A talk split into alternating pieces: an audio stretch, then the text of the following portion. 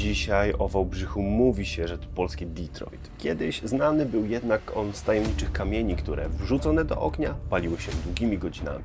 Jedna z rodzin znalazła sposób na jego darmowe pozyskanie. Na dzisiejsze warunki robili to jednak nielegalnie. Tak czy siak warto go poznać. Dzisiejszym głównym bohaterem jest Bodzio, czyli chłopiec znany w całym mieście. Był bardzo dobrym dzieckiem, posłusznym i pracowitym. Z jednej strony miał właśnie taką nieskalaną opinię, a tak naprawdę to działał na granicy prawa. Nie, nie działał na granicy prawa, on je po prostu łamał. Oprócz działalności kryminalnej, o której Wam opowiem, zajmował się wypasaniem owiec. Kiedy one sobie dziubały spokojnie trawę, to on hasał po okolicznych łąkach. Zazwyczaj robił jakieś psoty, zwiedzał okolice i ten jeden raz udało mu się znaleźć coś naprawdę bardzo cennego. Dzień był słoneczny i ciepły. Chłopiec zostawił owce tam, gdzie zawsze i poleciał, też tak jak zawsze, zrobić obczajkę okolicy. Nagle z za krzaków wyskoczył lisek.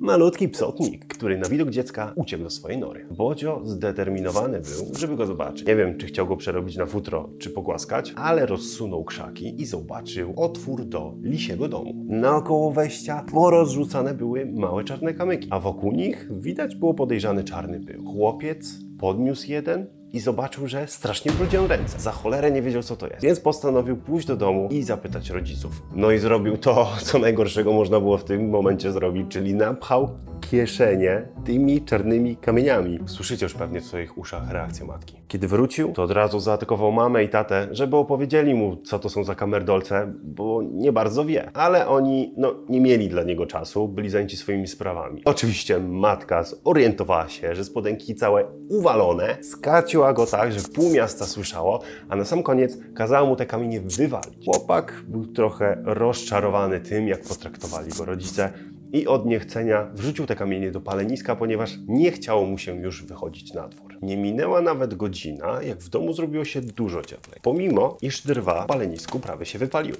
Bodzio, nie bacząc na to, że jeszcze przed chwilą dostał porządną reprymendę od swojej mamy, przyznał się, że wrzucił te czarne bobeczki do ognia. A ojciec głupi nie był.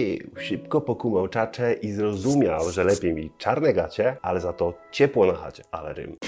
Samego rana Bodzio wraz z swoim tatą poszli do lisiej nory. Chłop zaczął kopać szpadlem, aż trafił na ogromny czarny kamień. Spokojnie, spokojnie, żadnemu liskowi nic się nie stało. Postanowił więc zanieść go do domu. Zaczęli przeprowadzać certyfikowane testy, zaczęli łupać ten kamień i te małe kawałeczki wrzucać do ognia. Jeżeli chcecie wydobywać samodzielnie węgiel, to lepiej tego nie róbcie, bo to jest nielegalne. Jeżeli by się okazało, że macie jakieś super złoża na, na podwórku na przykład, to musicie się odezwać do ministra klimatu i środowiska. Kochani, co się okazało? Ten kamień rzeczywiście się palił. I to tak masowo. Co się wrzuciło, to się paliło. Zaczęto więc wydobywać go na szerszą skalę. Otwarto sztolnię, którą nazwano lisią sztolnią właśnie na cześć tej nory, która wskazała drogę do czarnego złota. Z legendami w górach i w kopalniach, to już byłem wielokrotnie. Jakbyście chcieli czegoś sobie posłuchać z tych materiałów, to właśnie teraz Wam się na ekranie wyświetlają odnośniki.